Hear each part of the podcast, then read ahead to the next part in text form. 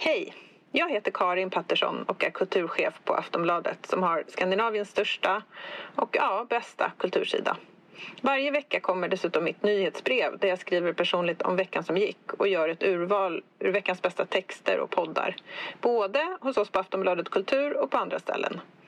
Nyhetsbrevet kostar ingenting och du får första tjing på inbjudningar till våra event och samtalskvällar om litteratur och idédebatt. Gå in på aftonbladet.se kulturbrevet och bli prenumerant. Hej då! Hej. hej, hej.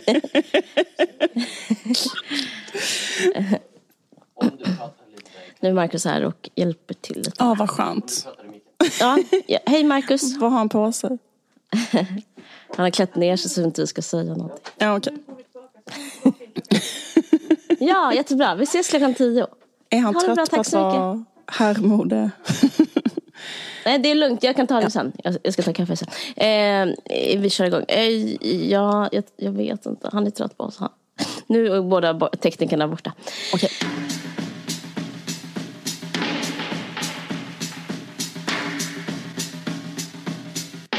Ja, alltså jag har läst eh, Agneta Pleijels eh, senaste bok. Mm.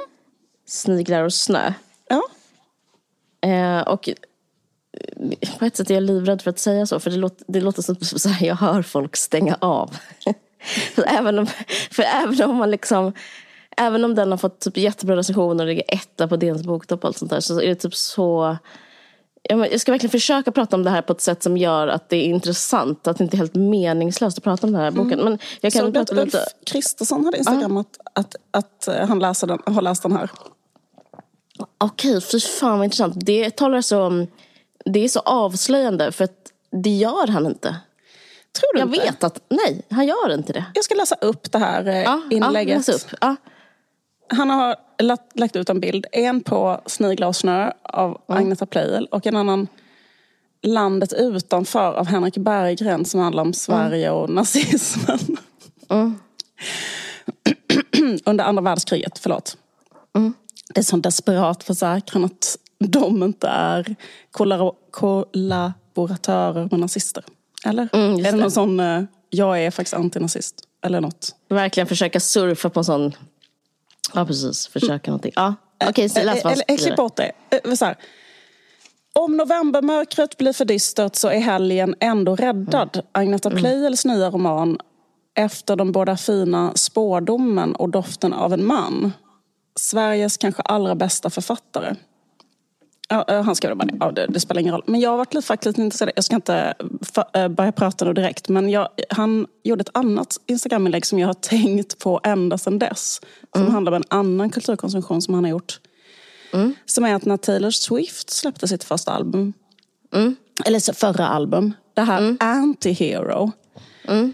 Eh, då liksom skrev han så här, eh, typ så här, eh, citerar fritt ur minnet. Jag har varit vaken hela natten själv och lyssnat på Taylor Swifts nya album. Hon är världens bästa musiker. Mm. Eh, och så var han liksom helt... Ehm, eh, jag vet inte, men jag, jag tycker det är så... Eller, ja, men det, men det, då, det låter ju sant. Det är det jag menar. Det är sant. Det, det, det har han ju gjort. Ja. Men vad sa du igen? Kan du recitera första meningen om Agneta Pleijel så ska jag berätta varför det inte är sant? Um, okay. Om novembermörkret blir för dystert så är helgen ändå räddad. Ja, det, är det, det är där. Det är där. Stopp. Det är där. Okay. Grejen är... Agneta Pleijels bok är så här. Om novembermörkret är för dystert men inte tillräckligt dystert. Ja. Eh, då ska du läsa eh, Sniglar och snö. För den är så fruktansvärt mörk. Jag eh, mår jättedåligt just nu. Alltså, på grund av, jag känner mig ett jättekonstigt tillstånd på grund av den här boken. Ja. Alltså den, eh, jag har gråtit jättemycket och det, det, det, det, det här liksom, det hjälper inte i novembermörkret utan man blir snarare, typ, man, man ser över allans livsval. För ja. den är så otroligt sann och skärskådande. Och även typ sådana livsval som anses typ så lite kontroversiella eller lite frigjorda blir också skärskådade. Så det är väldigt så svårt att eh, hantera eh, sig själv som människa efter man eh, har läst den här boken. Ja. Som mor, eller liksom, i hans fall som far. Ja. Eh, så, så, en sak, jag hoppas jag kan hitta det nu snabbt när vi pratar om det, för det är lite på volley. Eh, som handlar om hur, hon... Jag har liksom aldrig läst någonting sant om bonusfamiljer. Nej. Eh, men hon skriver på ett ställe. Men tv-serien Bonusfamiljen då? Jag ska snart berätta vad den handlar om mer. Men nu i alla fall är de i en situation. De bor i en femma i Tanto. Ehm, M, hennes nya make, tar in en sjuåring som heter Mick. Från förra förhållandet. Hon har en dotter, Linn, eh, som är tio. Eh, och hon själv bor, är 40 någonting. Och de bor eh, i fyra stycken då i en femma i Tanto. Efter. Så här. Att få att foga ihop fyra individer till en familj, fyra som inte har valt varandra, som har olika behov och förhoppningar och som alla kommer ur ursprungsfamiljer som har gått i kras, är något av det svåraste jag varit med om. Det hände för många under den här tiden och många påstod att det var lätt. Jag är av en annan uppfattning, det var inte alls lätt. Typ så. och sen, sen gifte sig hon med M. Och då så beskriver hon, jag vet inte ens om det var för jobbigt för mig att eh, läsa, eh, för det var så sorgligt så jag kanske inte ens strök under det. Men det handlar om att eh, han friar till henne och de gifte sig. Just det här. De har en underbar fest i Tanto. Hemma morgonen därpå är det, går det lätt att röja efter festen med Ella Fitzgerald och Louis Armstrong på skivspelaren. Lin, Linn har inte synts till mycket under kalaset och i skolan. På väggen i hennes rum sitter en liten handskriven lapp uppnålad. Hon läser den, alltså Agneta Play, tar ner den och viker samman den. Nu har jag ingen mamma mer, står det. En riktlinje. Det hänger på henne själv att visa Linn att hon har fel. Det är först då det är dags att kasta bort lappen. Vid nio år föds barnet i Warszawa, en son. Ja, det hör till att han får en, den här mannen och gift sig, får barn med en annan kvinna. Ja, han friade och jag blev väldigt glad och jag ville väldigt gärna vara med honom. Så jag var med på det. Ja. Och eh, dagen efter bröllopet så hittar du en lapp. Eh, det här tycker jag är väldigt starkt. På den här väggen i dotterns rum. Nu har jag ingen mamma mer, står det på den här lappen. Eh, vad gör du med den där lappen? Jag tog ner den från väggen och jag sparade den. Och sen har den genom åren då och då dykt upp igen ur en låda. Och jag har kommit ihåg det här ögonblicket. Eh, Nej, jag tänkte väl att nu gällde det för mig att visa min dotter att hon visst hade en mamma. Så det var, var väl min målsättning. Och Ja, Hur gick det? och det gick ganska bra så småningom. Eh, Men, men jag tycker hemskt mycket om min dotter och jag tror att hon uppskattar mig och, och vi har eh, eh, vi har en hel del att prata om. Eh, ja, men det som är fint med det är att hon, som jag inte sa då, det här med hur hon beskriver bonusfamiljen som, som svår och jobbig. Och att den, det är också typ att hon, till skillnad tror jag för många 40-talister, jag vill inte slänga alla under bussen, men att det finns eh, en självkritik, i- liksom ett erkännande att något är jobbigt är också liksom ett, eh, en möjlighet till förändring. Det går ju liksom inte att förändra som man inte beskriver det som fel. Nej. Eller det finns ingen poäng med att förändras, att så här, beskriva allt som fungerande. Eh, så att när hon... Alltså det är väldigt sorgligt att behöva läsa, och för henne också som läsare. Nu har jag ingen mamma mer, men att, att, hon istället för att bli defensiv och säga så här, det här, för, så att, för det finns en sån retorik kring bonusfamiljer, så här, alla gör det, det går jättebra, det är inget med det, det är jättenormalt, de mår till och med bättre. Typ, Istället för att säga såna grejer eh, så blir hon så här, okej det är mitt jobb. Alltså hon, hon gör den här klassiska grejen som inom barnpsykologi som, som står överallt om man läser barnpsykologiböcker. Att man ska eh, erkänna barnets känslor.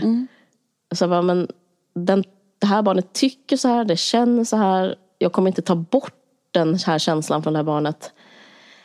Men eh, det jag kan göra är att liksom försöka arbeta och bevisa att hon har en mamma. Eh, och då utgår från att barnet har rätt. Visst. Otroligt. Otroligt bra. Otroligt bra.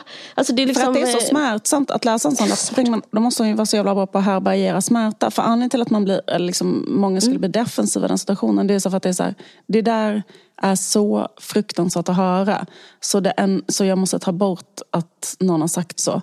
Så då skriker jag till henne att eh, men vad är det här för dumheter? Eller det, så här är det absolut Klart inte. du har Eller en vad- mamma. vad- Men just att hon så här, och kanske, eller, typ, eller bara så här, slänga lappen och aldrig mer prata om det. Eller något sånt där. Ja, Men att visst. eh, men just att hon sparar lappen är ju så jävla intressant. För det är ju att ha kvar den där sjuka smärtan hela tiden. För varje gång hon ser den lappen, för den lappen måste ju helt... Alltså, tänk dig att ha gift dig. Och eh, en aspekt av det bröllopet, ett minne av det, är den lappen. Men att eh, ta in att den lappen var en del av den här händelsen. Ja. Liksom, eh, att hennes dotter kände så. ja. Det Hon liksom, har bara en dotter, den dottern säger så. Jag har ingen mamma mer. Det finns, man kan ju inte hitta på något värre. Nej. Men jag tycker det är så eh, eh, mäktigt att... Eh, eller så vist liksom. Att vara så här... Jag, eh, jag ska... Det är jag som ska, för, jag ska förändra, alltså jag ska göra någonting. Jag, jag har ett arbete nu. Liksom. Jag vet inte, det, och, och sen så, jag vet inte om du hörde då i slutet. För att det är därför det är okej. Sen säger de, men nu har vi ett bra förhållande. ja. Ja, såklart, de har ett bra förhållande. Men, men alla andra har ett jättedåligt förhållande med sina föräldrar. För, för föräldrar gör inte så här. Nej. Föräldrar säger nej till att man har eh, negativa känslor.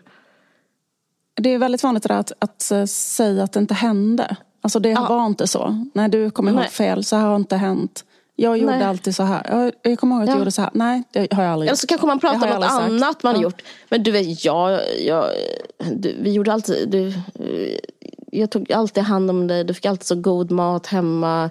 Eh, Du hade tak över huvudet. eh, Alltså typ man började liksom förhandla och ta bort barnets liksom existens. Då, sådana människor vill man ju inte träffa sen. Då får man en dålig relation.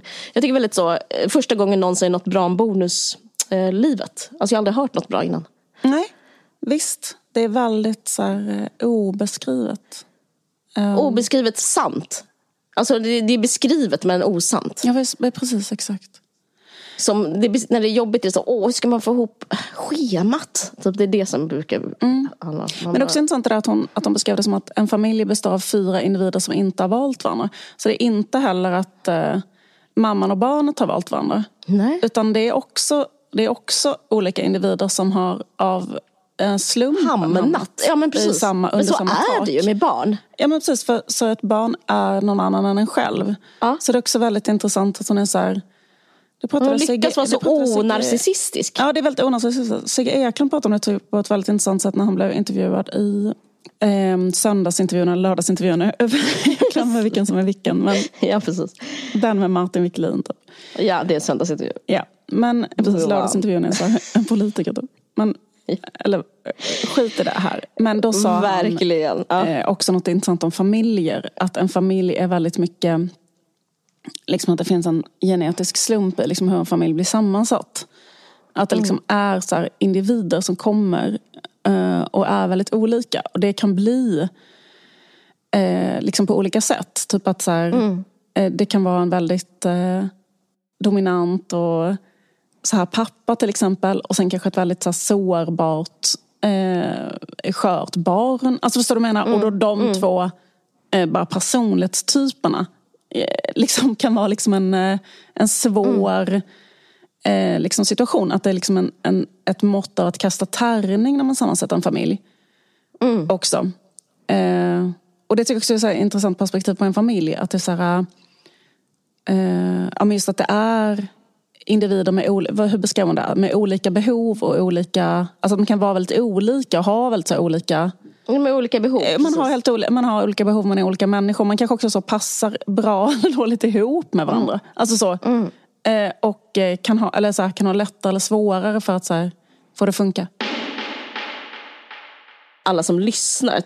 Jag måste recappa lite för att komma, liksom, få ramar till det här samtalet. Alltså, det handlar om en kvinna eh, på startpunkt typ 1980 kanske i eh, Stockholm. Eh, något sånt där. Eh, som blir erbjuden, eller på 70, 1970 någonting, som blir erbjuden eh, en tjänst på Aftonbladet kultursida. Och det, det jag tänkte att det var, jag ska citera lite om hur det är på Aftonbladet förr i tiden. Eh, för det kan vara kul för podden.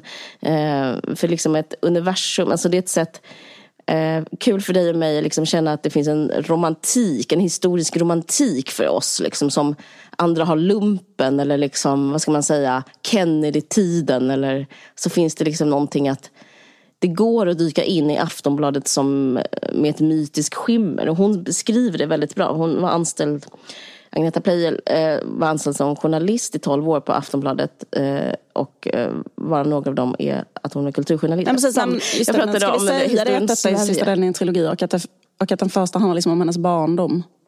Ja, Och fram precis. tills hon är 18. Och den andra handlar om att hon är en ung kvinna typ, i Just det. Stockholm. Och sen på denna handlar väl 60-talet. om då när hon är typ 30 plus, eller? Mm. Den börjar eh, med att hon, eh, i stort sett med att hon blir gravid med en man. Eh, det finns liksom sto- tre stora linjer i boken. Det börjar med att hon är... Alltså jag skulle säga att boken handlar rätt mycket om kärlek egentligen. Alltså, Och sen det här med vänstern och Aftonbladet är liksom yt... Eh, alltså på ytan, eller så här garnityr på något sätt. Eller den estetiska världen. Men, men vad det liksom, teman för boken är kärlek väldigt mycket. Det handlar om att hon eh, är gift med en man eller är tillsammans med en man, en psykoanalytiker. Det är så kul för på 60-talet var alla ihop med en psykoanalytiker. Det är kul Det fanns liksom för oss så att läsa många. de här böckerna. För det här Ja. är våra mammas generation. Hon är lite äldre Ja. än våra mammor men inte mycket. Men det är liksom samma det är samma eh, interiör, eller vad man ska säga. Ja, det är, alltså, det är ju att läsa om, om sin mamma. 100% eh, liksom den generationen. Precis. Har, du inte, har du inte varit ihop med en psykoanalytiker på 70-talet så, så fin, finns du ens. Nej, men jag menar, det är verkligen Visst. att vara en basic bitch eh, på den tiden. Att vara sån. Absolut. Och då är hon och det är så kul för det, det betyder liksom att det måste vimlat av psykoanalytiker. Verkligen så. Och också så här, Ja, säkert att de blev ihop med dem via att de gick analys. Typ. Ja, eh, det var inte så. De, men de hade intressanta samtal såklart på en fest. Men det skulle kunna varit så. Eh, Min mamma blev ihop med sin psykoanalytikerprofessor. Så att, eh, ja. Det är, bara, det är bara pick and choose. Alltså det, är liksom inget, det säger ingenting om min mamma att hon blev det, för alla blev det. Liksom. det är som att ses på en bar. Hur som helst, eh, så um, det här har jag skrivit om Richboy. Jag, jag, tycker också det, jag tycker det är väldigt så lollig miljö också. Liksom. Eh, hur som helst så är han såklart jättekonstig den där mannen. Och typ är typ så helt avstängd och kylig och typ eh, det kommer fram, hon beskriver hur han har fått många kvinnor att begå, det ordet använder hon, abort. Eh, för hon blir gravid och då vill han absolut inte behålla barnet fast han är 40 och hon är 30. Men då är han så bara typ jättekonstig och sen så får de barnet ändå och då så använder han psykoanalysen emot henne och säger, alltså för, för, ojäm, för att ha ett ojämlikt förhållande. Eh, du vet Freuds idéer om att modern är den viktigaste gestalten. Så, så då är det så att hon måste ta allt ansvar för barnet. Och då, men då börjar hon bli misstänksam. Och bara, hur ska det verkligen vara så? Och då ringer hon några eh, psykoanalytikerkollegor till honom och frågar så här, är det verkligen sant att om eh, barnet inte är med modern typ, kommer det bli en drogmissbrukare och kriminell då som hennes man säger. Och då bara, nej nej, alltså det går bra med en annan person, mormorn, eller kanske pappan. Alltså, det är så roligt att det inte ens är med. Eh, men, det, men det är fina scener med Aftonbladet. Bara, hon, hon, han försöker övertyga henne att göra abort. Men då, då sitter hon på Aftonbladet Kultur. Och hon är väldigt sån, hon är en sån tjej som finns väldigt jag känner igen mig och jag ser många andra som är såna.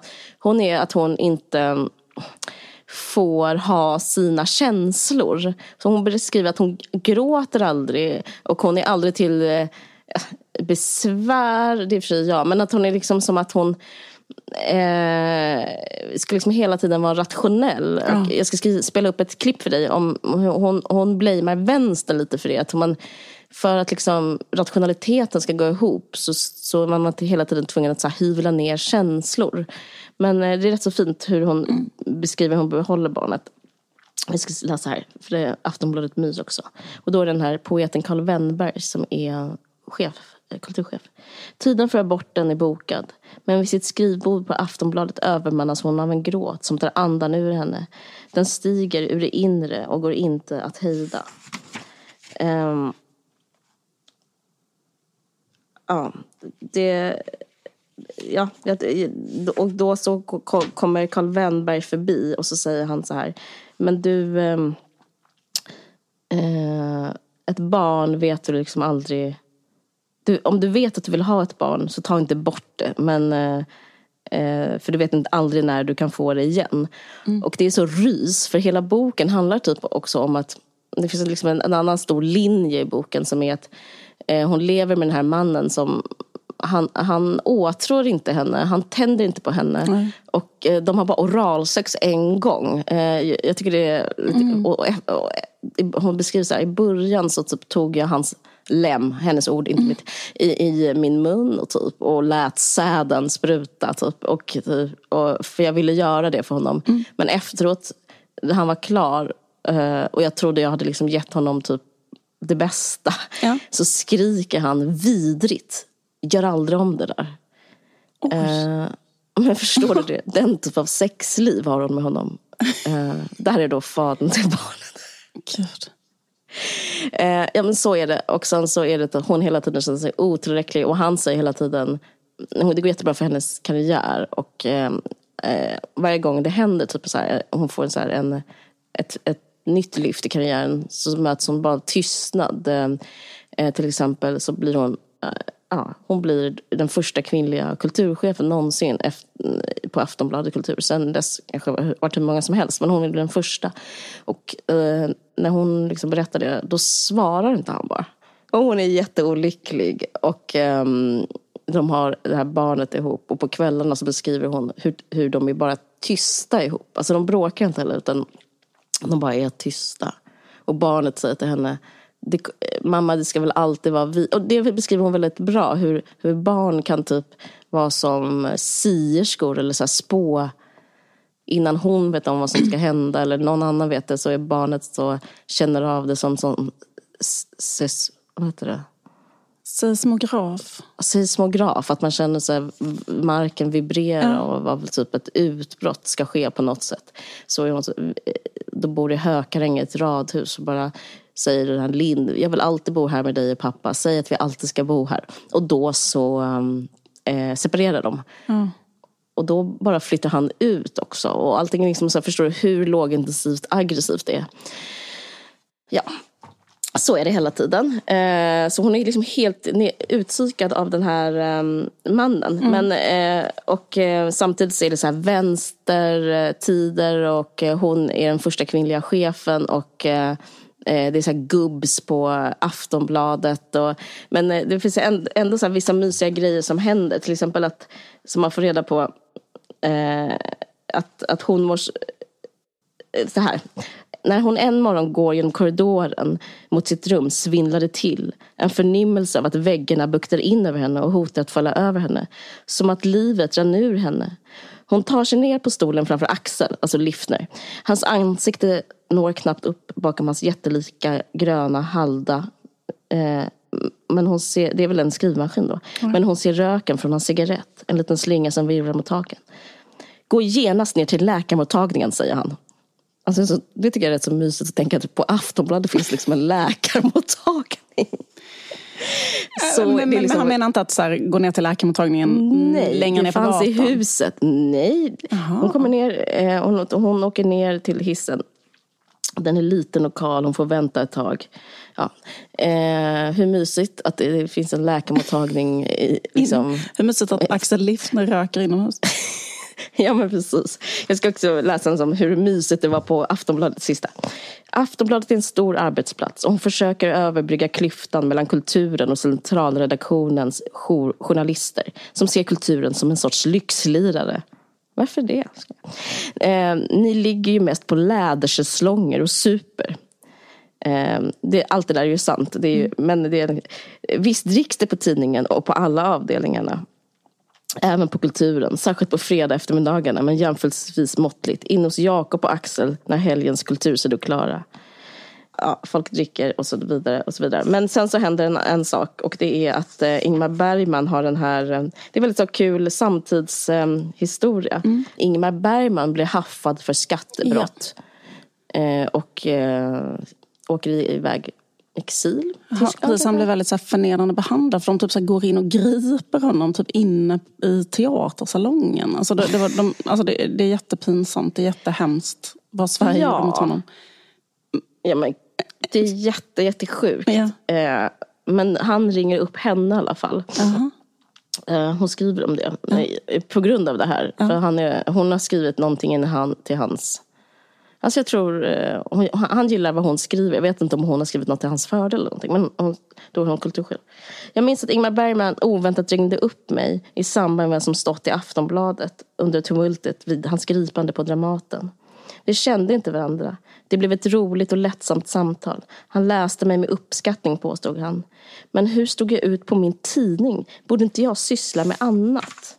Ingmar Bergman gick i exil och lämnade Sverige. Och jag övergav Aftonbladet.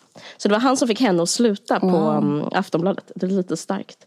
Men det är egentligen Eh, och sen så massa så här, luncher med P.O. Enquist och typ sådär. Men, men, men det är, man tror kanske typ att det är det som är det bästa med boken, eller kanske man inte alls tror. Men jag, jag, om, man är så här, om man har murvelromantik så är det väldigt så här härligt. Men, men det som är eh, det bästa är sen när hon är en kvinna i kris eh, som kanske skulle kunna vara undertiteln till boken. Alltså när, när hon är 40, separerad, har slutat på sitt jobb. Att hon har, liksom, hon har lossat alla de här livlinorna för sig själv. Hon har ingen inkomst. Det säger i och för sig också någonting om Sverige, att man kan bara göra det. Ja.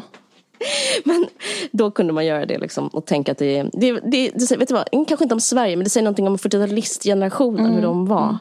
Mm. Eh, att eh, man lämnar en fast anställning som kulturjournalist och chef. Det gör väldigt få, skulle väldigt få människor idag Visst, göra, verkligen. verkligen. eh, men hon skriver så här, och det här eh, jag vet inte om jag grät när jag läste det här, men jag vet att, jag, att det betyder någonting. Eh, man måste vara uppriktig, även om det kostar. Just för att det kostar. Om man inte är uppriktig lever man fel. Och fel har hon själv allt för länge levt. Det är undvikanden. Av fruktan att göra illa. Av skräck att inte bli älskad. Av rädsla att inte duga. I kompromisser och halvsanningar. Hon vet allt om det. Men för hennes del är det slut nu med tvetydiga saker. Eh, tvetydiga kärleksaffärer. Hon vet vad hon talar om. Eh, ja, liksom hon, är, hon är väldigt, eh, hon, hon är väldigt så här, hon kommer på efter hon har liksom lossat sig, alltså skjutit ur sig själv, liksom klippt av liksom alla säkerhetslinor och sådär, så, mm. så kommer hon på liksom att hon, hon kan, att hon har levt falskt nästan hela sitt liv liksom kuvat, alltså, och kuvat sig själv. Liksom, ja. och hel, eh, både i arbetslivet och liksom en slags putsad variant av sig själv. Och hon, eh, hon liksom äcklas av det. Hon beskriver, jag har inte strukit under just det, men hon beskriver på massa ställen att hon och, och, att det var liksom en eh, det var liksom moders felet. Inte att hon jobbade för mycket eller så, men att hur hon var mot sin dotter dotter. Att hon var sådär ehm, eh, förställd mot sin dotter när hon var en liten flicka. Och hon var och liksom känslomässigt eh, omgjord. Mm. Eh, och att hon, ja, hon skäms över det. Det, liksom, det gjorde att inte hon fick sin mamma. Wow. Ja, det är ja. Alltså det, um du Starkt. hör. Alltså, ja. det, det, det, men det, det blir så sant. För det är så, vad, kan man, vad kan man säga emot det? Det är så sant bara. Ja, ja det, det, det, det finns en... Eller liksom det, är, det är väldigt så bra passage i hennes liksom, i den här spårdom som är den enda som jag har läst då, den första. Mm. Och då är det liksom mm. typ att, att hon um, hennes mamma har eh, väldigt mycket ångest och väldigt så mycket psykisk ohälsa och deras föräldrar har ett, eh, föräldrarna har liksom ett fruktansvärt äktenskap. Liksom. Och då eh, märker hon att hon ska vara så här eh, check och positiv hela tiden. eh, För att eh, det ska kunna funka liksom. Eh, och då... Eh, och så, och så är det någon så jättebra formulering, liksom att hon lyckas med det. Att bara vara så här, mm, bara liksom le och ehm, säga något gulligt och så.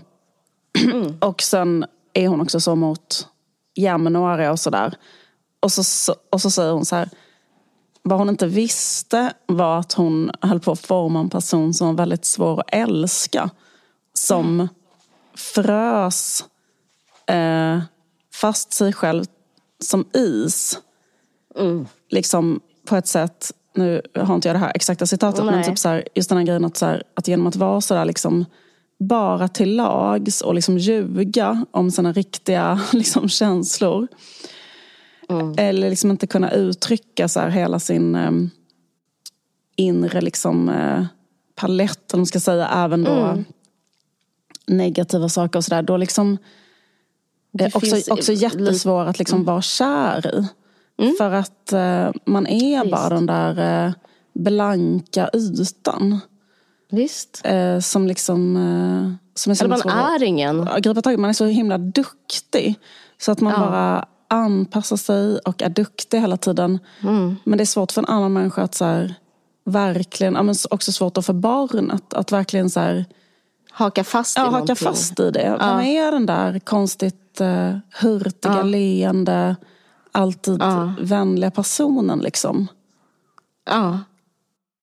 Ja visst. Som bara är så, Ibland så liksom tror jag att hon har... bara är så duktig hela tiden. Ja. Hon var äldste, hon var äldste syskonskaran också. Visst. Eh. Va, eh, väldigt... eh, ja, det, eh, Men ibland så, så, så jag ska spela upp för, det, för dig sen hur hon hanterar sin mans otrohet. För då, för då beskriver de hur hon inte reagerar emotionellt. Och då, tänker jag, och då tror jag faktiskt det är bra att vara sån i sådana situationer. Men, men i det vanliga livet, eh, alltså i day to day, att inte liksom vara någon det blir så ödsligt, särskilt för ett barn. Det är som att typ man är endimensionell. Eh, man bara typ nästan som ja, en bild eh, istället för en människa. Eh, men, men hon tar igen det, ska sägas. Alltså hon, hon gör ju massa svåra val.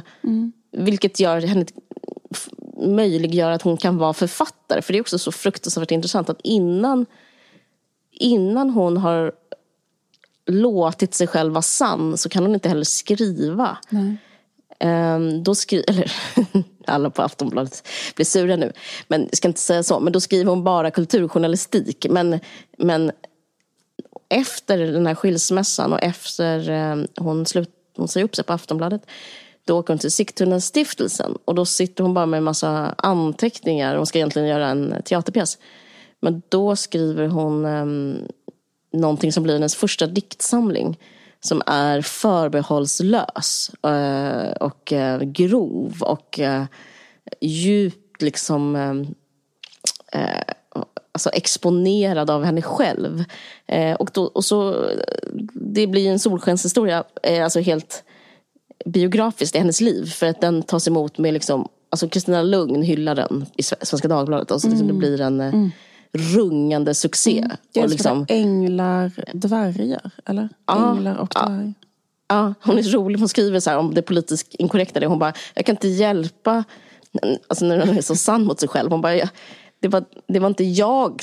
Det var liksom den inre bilden skrev dvärgar. Det var inte, jag tycker inte man ska säga det. Ja. Jag associerar för sig inte till, alltså, jag menar, en s- dvärg, en saga, alltså, eh, kan man väl prata om, eller kanske man inte ens kan. Okay. Nej, det, det, det, det är typ politiskt inkorrekt. Men det är så okej, kul okej. att hon... Eh, Men man kan inte ens prata om det så i Sagan om ringen, en sån dvärg menar jag. Jag tror inte det. Nej, jag tror jag inte det. för om man, till och med Agneta Pleijel måste pudla. Eh, Ja, det, nej, men hon, för, hon blir, jag tänker om man säger änglar så pratar man liksom om, det här mytologiska väsendet som är en, som inte är en kortväxt människa utan är en, en sån dvärg som, som eh, Sagan om ringen har. Eller? Ja, skitsamma. Ja, jag, jag, jag tror att du inte kommer vinna det caset. Men jag, jag, jag hör dig och, och du har många på din sida. men eh, Agneta Pleijel vet att hon eh, måste om ursäkt. Ja. Hon bara, men det är min ursprungsröst. Alltså, alltså det var typ som att hon en gång satte den fri. Så kunde liksom inte, det var inte ens upp till henne. Hon hade inget överjag längre så att säga. Eh, och så blev den överfet, den boken. Liksom. Eh, och, ehm, och då var det som att hon typ föddes på nytt och då kunde hon skriva poesi. Och sen dess har hon varit författare. Och då hände också att hon träffade kärleken.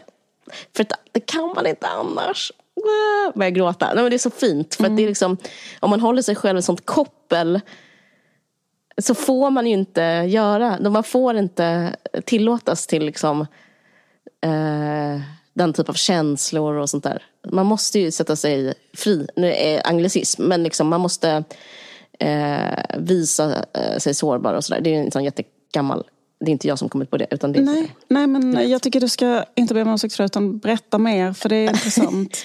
Bara säg mer hur du tänker kring det. Att, Ja, nej men att, att, att om man, om låtsas vara en väldigt så här, störd man- version av sig själv. Ja, så kan man inte få kärlek. Nej. För att eh, man måste visa eh, liksom, att man är en människa. För det är typ, jag tror det är det. Att, typ, Mm. För att kunna vara alltså, liksom, riktigt nära För att vara med en någon, annan liksom. människa. Att för, att liksom vara, ja. för, att vara attraktiv för en annan människa. Alltså man, så att man är liksom, det som är en människa är ju det som människor tycker om. Ja. Eh, och då så, så dels det här med diktsamlingen, också det här med att hon ehm, jag ska inte säga att man ska vara dålig, men att hon tillåter sig bara kanske vara, vara lite ge sig själv lite slack med att vara så um, ihopsamlad hela tiden. Och bara kanske gjorde lite vad hon kände och ville. Hon var på en skärgårdsö. Hon vill, hon vill inte bo i det där radhuset. Alltså det handlar ju också om typ vad man ska göra och om vad man vill göra. Ja. Hon ville inte bo i det där radhuset eh, som de hade bott i med sin dotter. Hon, hon ville sälja det och hon ville bo i andra hand i stan. Så hon gjorde liksom en massa val som gick ut, utgick från att hon eh, blev en, eh, riktig människa, eller blev sig själv. Och en annan sak var att hon hade, var med i ett sånt vänsterkollektiv i skärgården. Som hade en... Det, det tycker jag verkar... Det skulle jag ändå säga jag blev avundsjuk med liksom, hur det var förr i tiden. Att man typ... Att några vänstermänniskor har ett underbar, en underbar så här, sekelskifteskåk med egen badbrygga där alla badar nakna på sommaren. Eh, där man kunde köpa en liten andel för inga pengar alls. Så, så verkar det vara förr i tiden, typ i Ja. skärgården. Eh, och, men hon ville inte ha det längre. Men jag tyckte det lät trevligt. Ja. Och då i alla fall så var hon där för att skulle skriva. Hon var uppsagd, hon var skild och hon var flyttad. Nu, numera bor hon Tanto i andra hand. Och då så står en, eh, så var det några polska arbetare där. Och eh, varav en eh, stannade över och skulle jobba lite till. Och sen så kom han och knackade på dagen efter hos henne och frågade liksom, om hon hade en båttidtabell. Vilket hon hade. Hon beskriver hon, hur hon i nattskjortan lyckas leta upp en. Jag tänkte, ja, jag fattar, det sounds sexy. Att hon typ går omkring en sån eh, att vara Agneta Pleijel med hennes utseende och ha typ en nattskjorta på sig och gå omkring och leta efter något. Jag tycker ja, det är väldigt jag att fattar att man blir kär. snygg. Ja, det är Hon är så man, fucking snygg också ha en sån nattskjorta på sig. Ja. Hur tänker du dig den nattskjortan? jag tänker mig typ att det är typ som en sån eh, Alfred i ehm, Alltså Emils Ja. dräng. Alltså som Alfred, flanell, en sån- typ. Alltså Alltså, typ- vit eh, blå randig liksom utan krage. Som är lite så stor. Det är lite så boyfriend skjorta. Du vet den grejen. Eh, och så är hon så spinkig och går omkring där och typ solbränd och typ har lösa bröst som hänger där under. Typ något sånt. så, då ser Marseille Saremba detta. Ja. M i boken. och då är han så, åh tack så hemskt mycket. Och så säger hon så här, eh, ska jag köra dig till bryggan? Och han bara, ja, jättegärna. Och då åker de med hennes motorbåt. Och då säger hon, du måste visa typ med den här pilen att du ska med. Annars kommer eh, Sunnan, den här eh, båten, skärgårdsbåten, köra förbi in, in till stan, bara förbi det.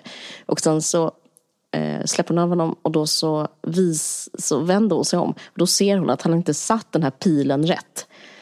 Och då han så, okej, eh, okay, absolut. Och så åker hon tillbaka och, bara, och han bara, oh, jag missade, båten körde bara förbi. Han bara, okej, ah, ja men ta nästa då. Eh, ska vi typ så här, ja men. Så åker de hem till, eh, det där kollektivet där det inte är en käft. Och eh, han eh, lagar mat i huset han bor i för Anders Karlberg som har numera frys, han som grundade det, Fryshuset. Det är, han gör arbete hos honom. så roligt. Eh, och där lagar han mat. Och, ehm, och sen så, typ, så har hon jättemånga vinflaskor. Det är så kul. De dricker hela tiden. Det, där verkar hon sakna moral överhuvudtaget. Hon bara röker och dricker och röker och dricker. Och, hon, och de två sitter och dricker vin tillsammans. Jag tycker det är väldigt så, mm, bara det också, det känns som vår tid har liksom förstört hela idén med hur man har trevligt. Alltså för det finns liksom ingen sån nyttoaspekt någonstans i boken. Nej. Utan det är bara så här, att ha trevligt, att inte ha trevligt, att vara ledsen eller att vara glad. Eh, och typ, eh, det finns aldrig ånger efter man har druckit vin. Nej. Eh, och det känns som vår generation håller på med det jättemycket. Typ att man knappt kan gå Nej. på en dejt utan att liksom tycka att man var dålig. Men, men, det är liksom, men det där är så unheard of. De bara knäcker vinare på vinare och det betyder att det är en bra kväll. Liksom. Eh, det, det, jag blev väldigt inspirerad att, att liksom börja dricka mer på det Eh, typ, att det sättet som man så här, ah, det är fantastiskt att vara vid liv. Liksom. Alltså, nu ska inte någon det, orosanmäla mig. Jag skulle inte göra det med barn. Men om man skulle ha liksom en förutsättning för att kunna liksom ha Ja. en, en kul kväll. Så det är så konstigt att även då tycker jag att man är så eh, sträng. Att man har liksom sitter med en slags yttre ögon och dömer sig själv. Liksom. Absolut. Det är så här, hur många enheter var det här? Hur många enheter ska så- man dricka på en ja. Det pratar ju alla om när de, om man går till en krog. Det är det man pratar om. Det är helt Det är sinnessjukt. helt sinnessjukt. Det har liksom förstört så här, ja men exakt vad är det att vara vid liv? Eller vad är det att vara typ en människa? För att det finns inget naturligt förhållande till det. Liksom så här, för jag tror att, liksom, man har liksom skapat ett ätstört förhållande till alkohol. Ja, typ så här, hur många eh, enheter var det här? Hur många enheter har jag druckit då? Hur många enheter? Och så ska, så ska man inte vara när man dricker. Utan då ska man vara så här. Eh, ja men exakt det där. Är det här, är, det här tre, är det här kul? Eller är det inte kul? Visst, träffar jag kär, mitt livs kärlek eller gör jag inte det? Vilket hon gjorde. Ja. Eh, grejen är knappt att säga. Nu känner jag liksom lust att säga jag vet att det är farligt med alkohol. Men jag vet att det är det och alla vet att det är Mm. det. Men, men det var i alla fall intressant att läsa på ett annat sätt. Att läsa helt så här hur, hur de bara dricker och röker. Och Mm. ehm, att det är allt annat är sekundärt förutom att deras möte. Och Mm. det är typ eh, det måste vara så på något sätt. Att de, ja, så öppnar de vinflaska på vinflaska och sen så sover han över. Så säger hon så här, men kan inte vi låtsas att du och jag är ett gammalt par? Och då så kan ju du sova över här. Och, eh, liksom, och då tycker han att det är en jätterolig idé. Och, eh, så de ligger i hennes dubbelsäng och liksom och sen så går det kanske en dag till och sen ser det som att de, ja, men du vet man kan ha sådär Ja. u- möten eller upplevelser med folk som är som att hände verkligen det här? Och liksom, det är som en så glipa i tillvaron av total eh, ljuvlighet. Och sen så kommer verkligheten och det gör den här också. Och då så åker de in till stan. Och han jobbar som arbetare på ett bygge. Men han är typ den mest intellektuella människan.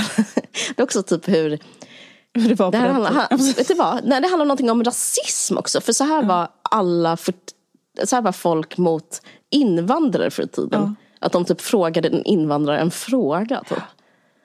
Och, fråga, och liksom kunde börja prata om en bok. Mm.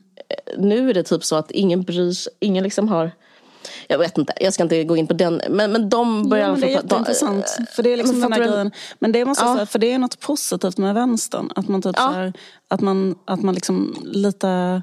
För hon är ju så här en professorsdotter. Alla hennes familj är professorer. Alltså typ att man, Mm. att man har liksom en... eh, Där pratar vi lite grann om tillsammans. Det där när man har en eh, eh, ideologisk. Just det. idé som tvingar ut den ur ens vanliga banor. Så här, liksom, att man kanske då...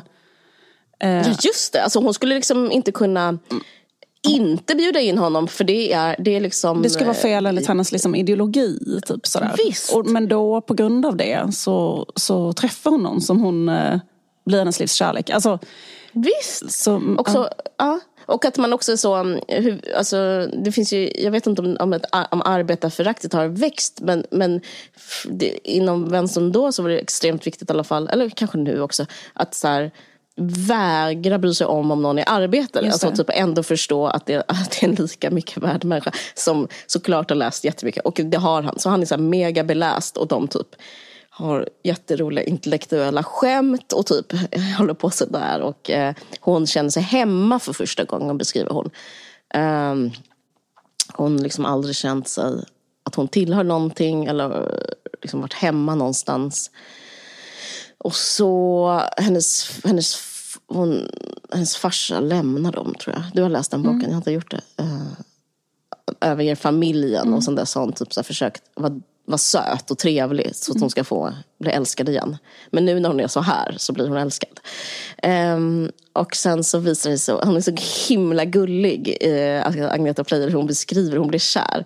För då är hon så, han är så snygg, alltså hon, hon kan liksom, tycker det fortfarande. Och så bara, och så beskriver hon att han har en flickvän. Bara, såklart har han en flickvän. En sån otroligt snygg och sexig man som är så himla snygg. Det är så mörkt hår och som fladdrar i vinden. Alltså hon blir helt ja. liksom... Hon blir helt liksom kollrig av hans utseende och, och verkar vara det fortfarande. För det är, som, det är typ enda gången hon förlorar distansen i boken. Alltså hon, hon typ, för att hon blir så, han är så jävla snygg! Typ. Det är så mysigt att hon ja. är sån. Eh, så ja, beskriver hon hur han har en flickvän. Eh, och det har han. Och, uh, men han lämnar sin flickvän för henne för det är typ en så pass stor kärlek. Flickvännen kommer in med hull och hår. Och uh, är jättegalen och slår Agneta Pleijel hemma i Tanto mm. när de är där. Uh, ja, och säger att hon är en gammal hora och hagga och kärring och uh, vad är det mer hon säger? En bedagad... Och, hon ba, och då, det är så kul med Agneta Pleijel för hon bara, varför sa hon att jag var en gammal kärring? Då var hon 40 år typ. Ja. Uh, typ, eller 39 kanske. Men varför sa hon det? Typ? Vad är det här? Så bara frågar hon då Marseille. Bara, uh, för hon, hon fattade att hon var typ fyra, fem år äldre än honom. Ja. Jag, jag, jag, citerar här. Vänta. Hon får höra att hon är ett luder, en överårig kärring, en löpsk tik ett, och ett gammalt fnask. Flickvännen, Flickvännen har ett betydande, eh, om också ganska ensidigt ordförråd. Hur har M, denna finkalibrerade man som inte vill göra någon illa, orsakat detta raseri? Flickvännen ser henne som ungdomens förförska, en kallhamrad manslukerska, överårig, bedagad och följaktligen cynisk. Hon känner inte helt igen sig. Men det som tar skruv är att flickvännens förhållande med M tycks pågå och att hon själv skulle vara för gammal för honom. Hon har inte funderat närmare på det, men hon är nog fyra, fem år äldre än honom. Påringningar blir fler och störande. Eh, men när M ringer så frågar hon hur gammal han är inte fyra, fem år yngre som hon trott, utan elva. När hon hör det blir hon tyst. Det här går inte, börjar hon. Men han turnerar elegant. Med sin erfarenhet av östeuropé kan han lägga minst tio år till sin biologiska ålder. Kul, hon skrattar.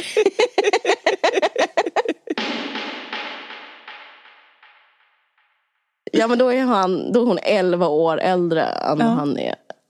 Uh, ja, men då även det typ lyckas de eh, komma över. Men det är också sexigt av henne, eller hur? Verkligen. Och, ja.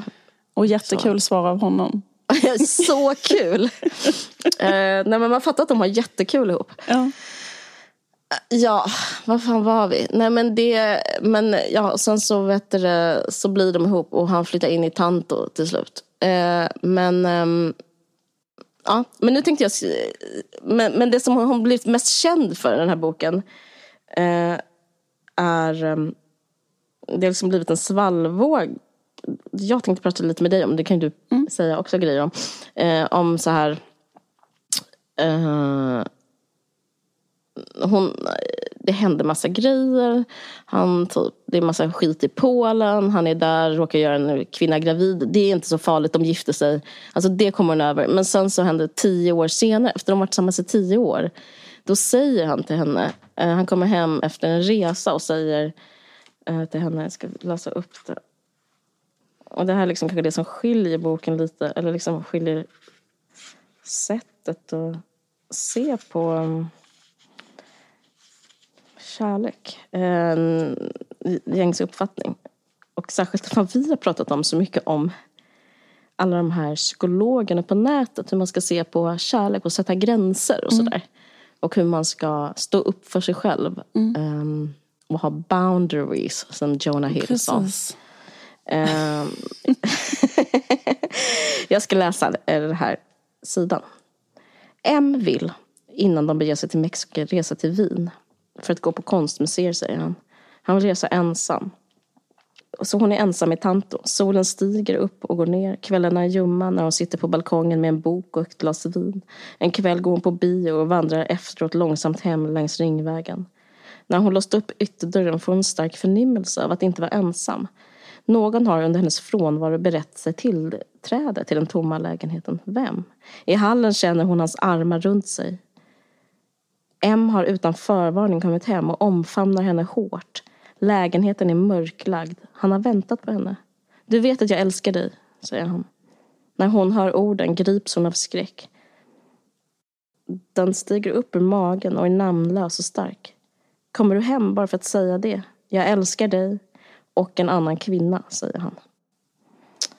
Ja, så att han då eh, älskar henne mm men också blivit kär i, eh, i en annan. Eh, Och jag har lyssnat på en radiointervju eh, med Marie Lundström, hennes eh, bok... Bokradion, eller, eller vad heter den? Bok... Ja, Lundströms bokradio. Ja, och, ja. så, och så tar de upp det här, hur hon ser på det. Jag tänkte kanske var lite intressant att lyssna på. Jag spelar upp det.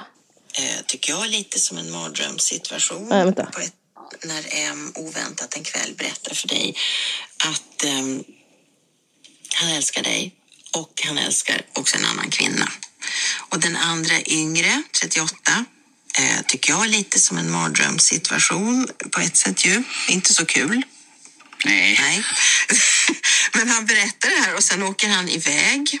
Och du är ju kvar då eh, där med den här nya kunskapen då. Mm, hur, hur- blir livet precis efter den här. Mm. Ja, du förstår, man, man, har ju, man har ju olika omdömescentraler i sig. Detta, denna M som vi talar om, han hade alltså haft en del svåra förluster och eftersom den kvinna han förälskade sig i var från hans hemland och talade hans språk så eh, förstod jag att det ingick i hans, hans väg att försöka behålla kontakten med sitt eget ursprung. Så jag, mm, det tröstade ju mig lite grann, fast det gjorde väldigt ont. Mm. Ja, Ja, det blir ju nästan, alltså det, den här skildringen då som du ändå går in i av, av dig själv, det, det, det är ju som att du nästan inte finns. Alltså du är en nagelbitande, sömnlös varelse som... ja, eftersom det här varar några år, det här tillståndet, så försöker jag beskriva att jag inte mådde så bra. Nej. Men han, hans tro att eh, det ska gå, det här, att han, eh, att han, han kan älska två kvinnor. Eh, är du med på den idén? Jag ska säga bara, det, nu kommer det som jag eh, vill att vi ska prata om som handlar om hur man eh, ser på känslor och eh, rationalitet. Tror du på det? Nej, och det gjorde jag inte då heller. Eh, Så att jag invände ju förstås. Men det här är också en bit av en tidsskildring. Eh, För den här sexuella frigörelsens period, den var också mycket rationell. Man kunde bortse från en hel rad eh, känslor som smärta och så vidare för att, för att få en världsbild att gå ihop. Nej, jag tror inte på det och det. Men samtidigt så kunde jag inte riktigt vara man kan, jag är inte fri från svartsjuka, men jag kunde inte riktigt uh, mobilisera en väldig svartsjuka mot den här kvinnan, för jag, tyckte mig förstå varför han älskade henne. Ja, men jag tycker det är intressant att, liksom, att hon har alltså drillat sig själv så mycket att hon inte får eh, tycka det är fel. Men sen så, jag ska visa också när hon, när hon pratar, pratar om att hon förlåter honom.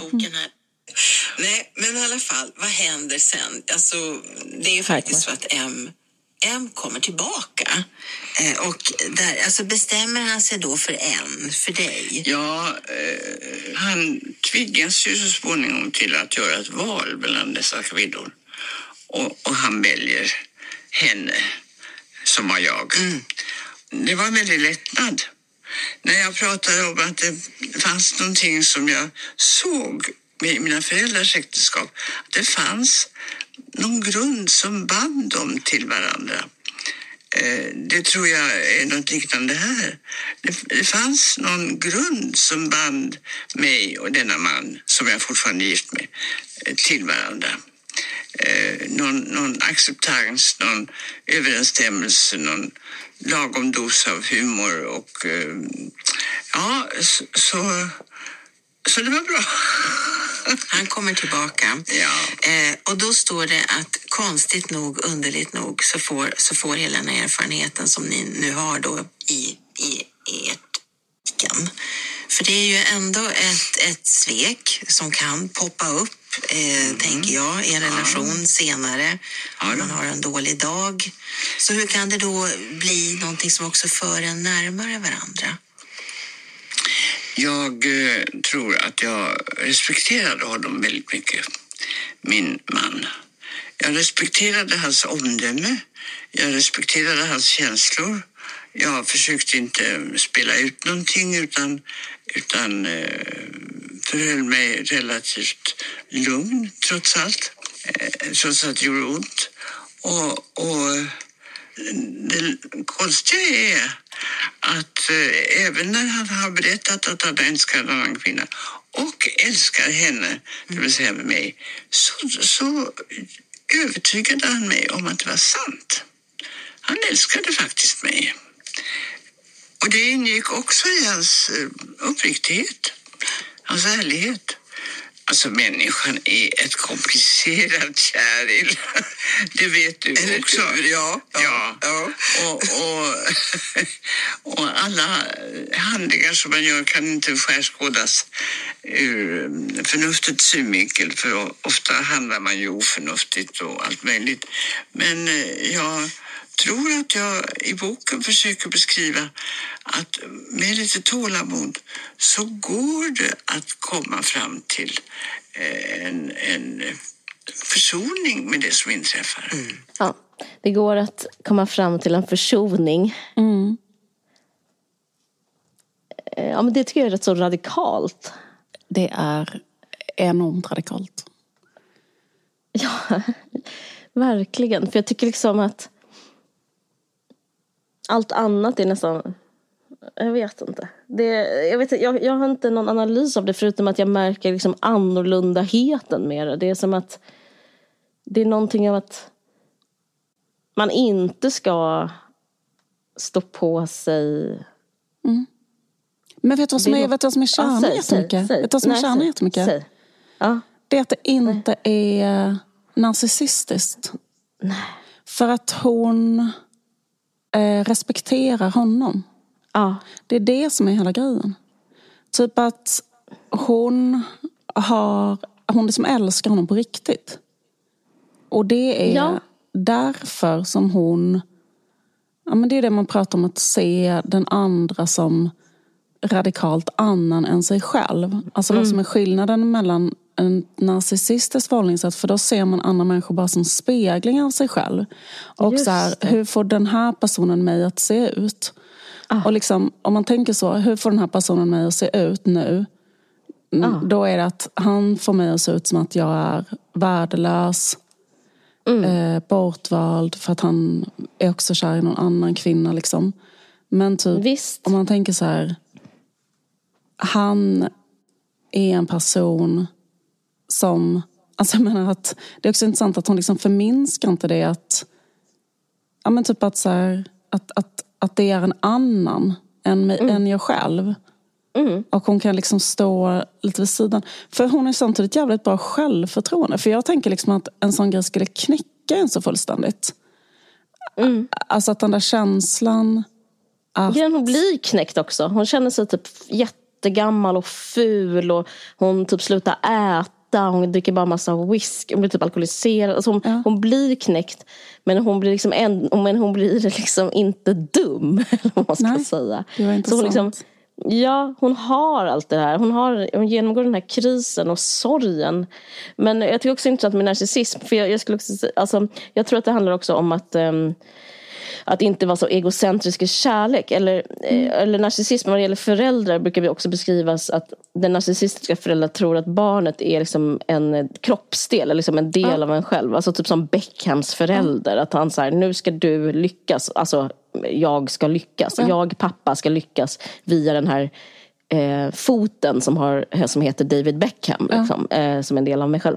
Och att hon inte Eh, hon bara liksom vågar stiga ut i att eh, inte eh, att, att, att, att inte han liksom har en funktion för henne heller, om du fattar. Ja. Han, han är liksom inte han ska inte göra någonting så hon ska bli något. Nej. Det är så, det, det, jag tror att man ofta tänker på kärlek så. Alltså, jag typ hur man beskriver en viss sån här populärkultur om så här, ha, jag, vill, jag vill inte ha no scrub, jag vill ha typ någon som friar på det här sättet. Någon som, eh, typ om man inte bjuder på första, alltså jag menar inte bara ekonomiskt men att man kan vara helt så besatt av eh, egenskaper vad en, go, vad en bra man är. Liksom. Och så kan man hålla på med dem jättemycket istället. Och man ska inte ta någon skit. Och man ska...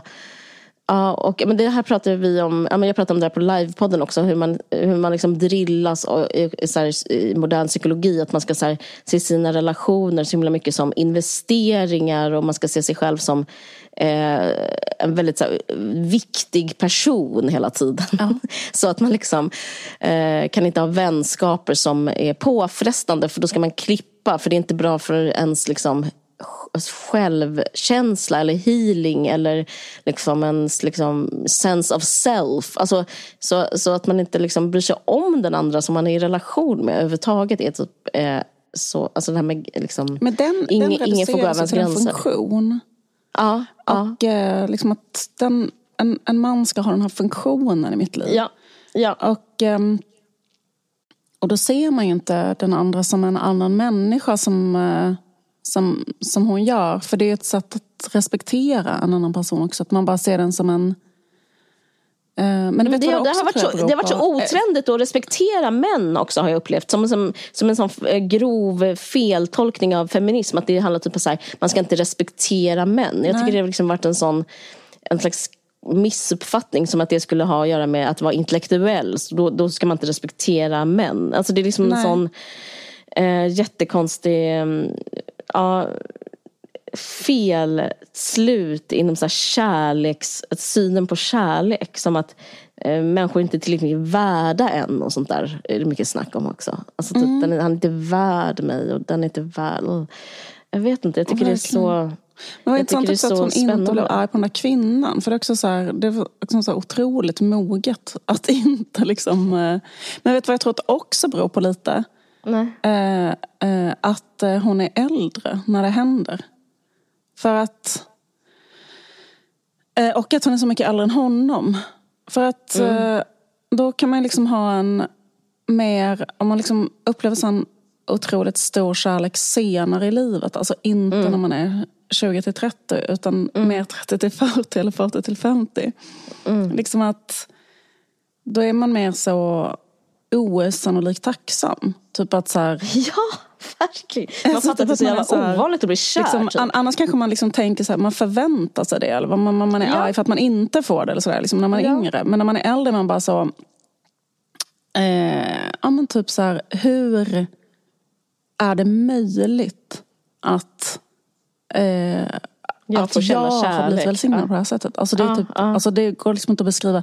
Så då blir liksom, jag tycker den här grejen liksom att, att då blir det så, jag vet inte, att Att, mm. att det blir så otacksamt och på något sätt att eller vad ska man säga? Och sen också då kanske att man kan, eftersom man själv då kanske har lite andra livserfarenheter och, eh, och har många förhållanden där man själv mm. kanske har varit eh, den där personen och man kanske mm. själv har gjort sådana grejer. Alltså, du vet, så här, och sen mm. så ser man en mycket yngre person gå igenom något liknande.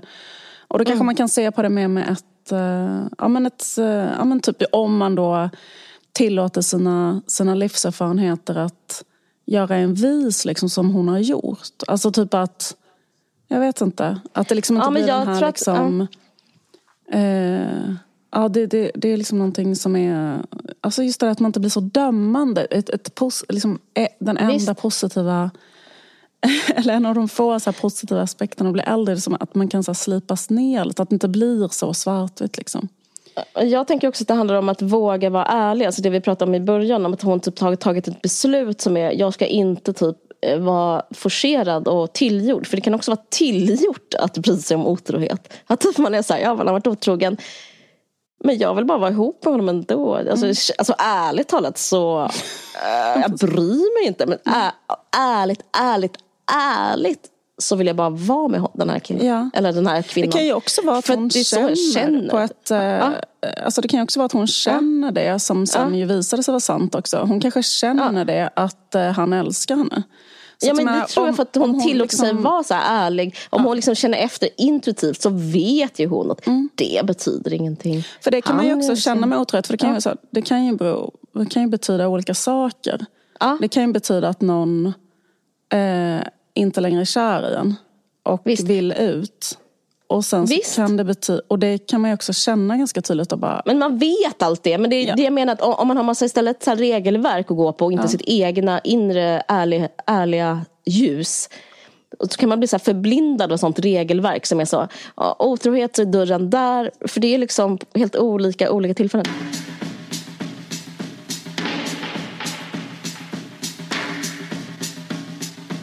Nuckan av Malin Lindroth eh, kom ju ut 2018 och eh, jag läste den då. Den är jätteintressant. En väldigt, eh, väldigt bra, spännande, väldigt uppmärksammad text som handlar om att liksom aldrig lyckas ingå i en kärleksrelation.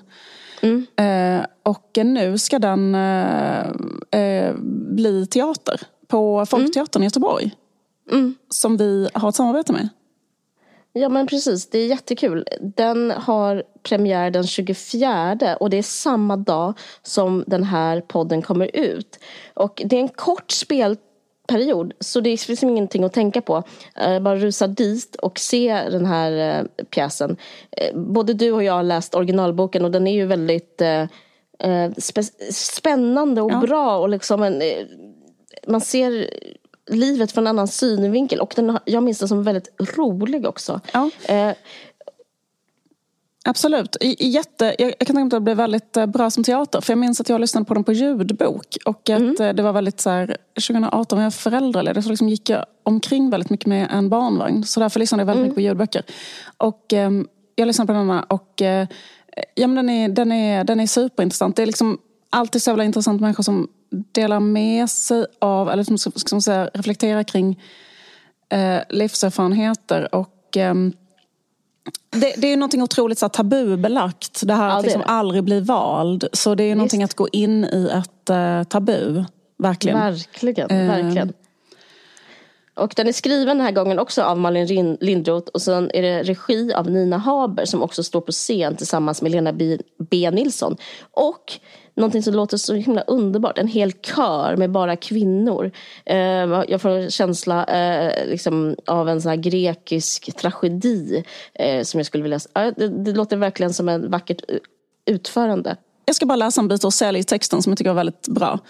Mm. Om jag bara valt ensamlivet på samma sätt som man väljer att vara vegan hade det varit en annan sak. Hade det varit en sjukdom hade det varit en tredje sak. Om det bara hade varit en läggning jag är inte aktivist, konstnär eller karriärist.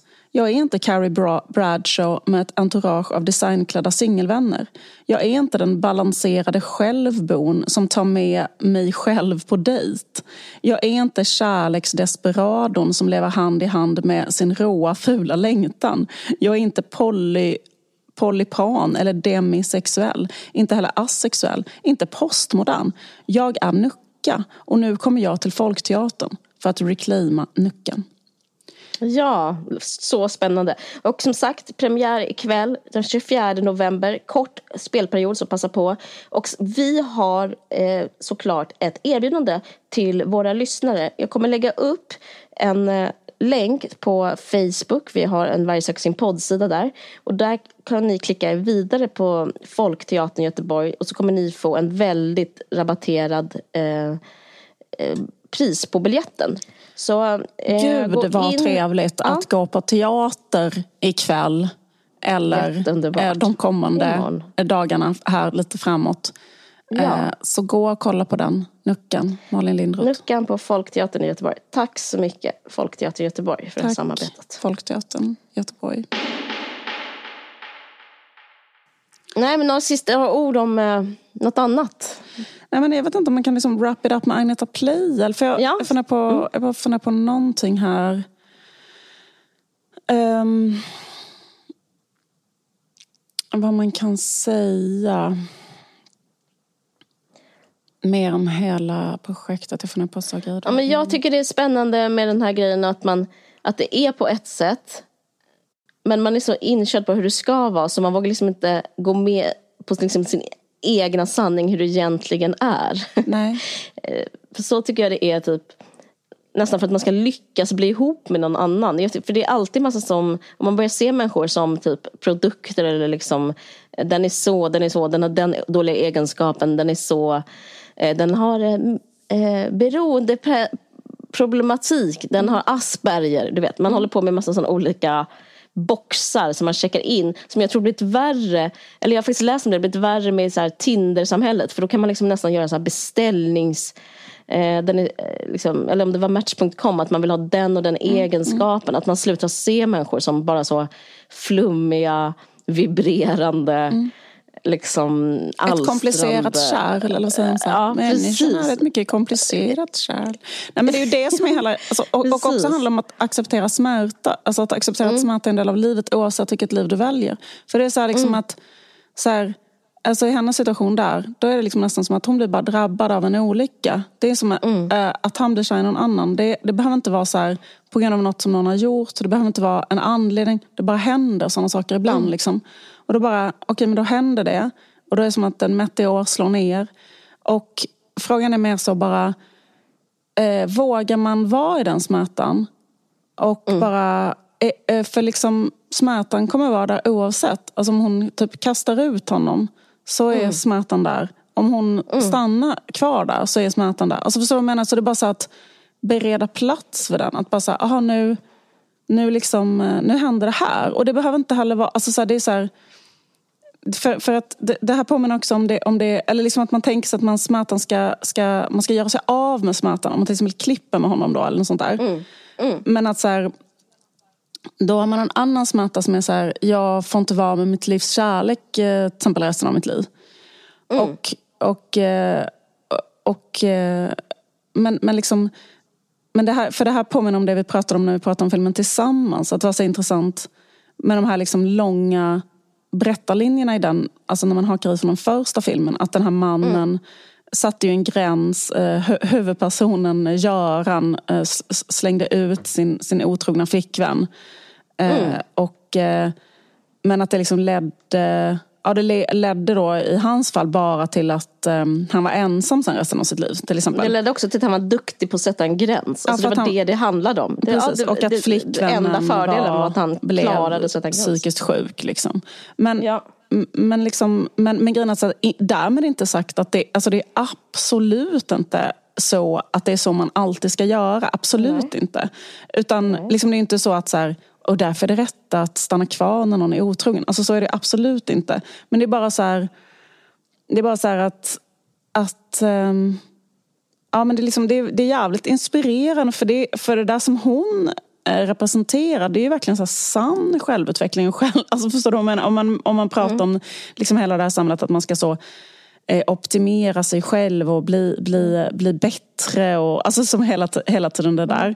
Men um, det är så um, stympad liksom version av, av vad som är människa. Men det som är så intressant med detta är att, att hon eh, eh, liksom är människa på ett så jävla intressant sätt. Ja men verkligen. Alltså jag tycker typ det handlar, som du säger, det handlar inte om att så här, ja, ja, man ska alltid då från, från att det är fel att vara otrogen nu, nu tycker vi att det är rätt och inte alls det vi försöker säga. Utan det handlar liksom om att våga se saker för vad de är. Mm. Och, och, in, och, in, och, inte liksom en för, ha en föreställning utan liksom bara typ, ha den där liksom piercing blicken som är bara så, jag ser det här, jag ser, det är inte det här. Det är inte liksom vad det står i tidningar om otrohet utan det här handlar liksom om vår relation och den mm. är så här.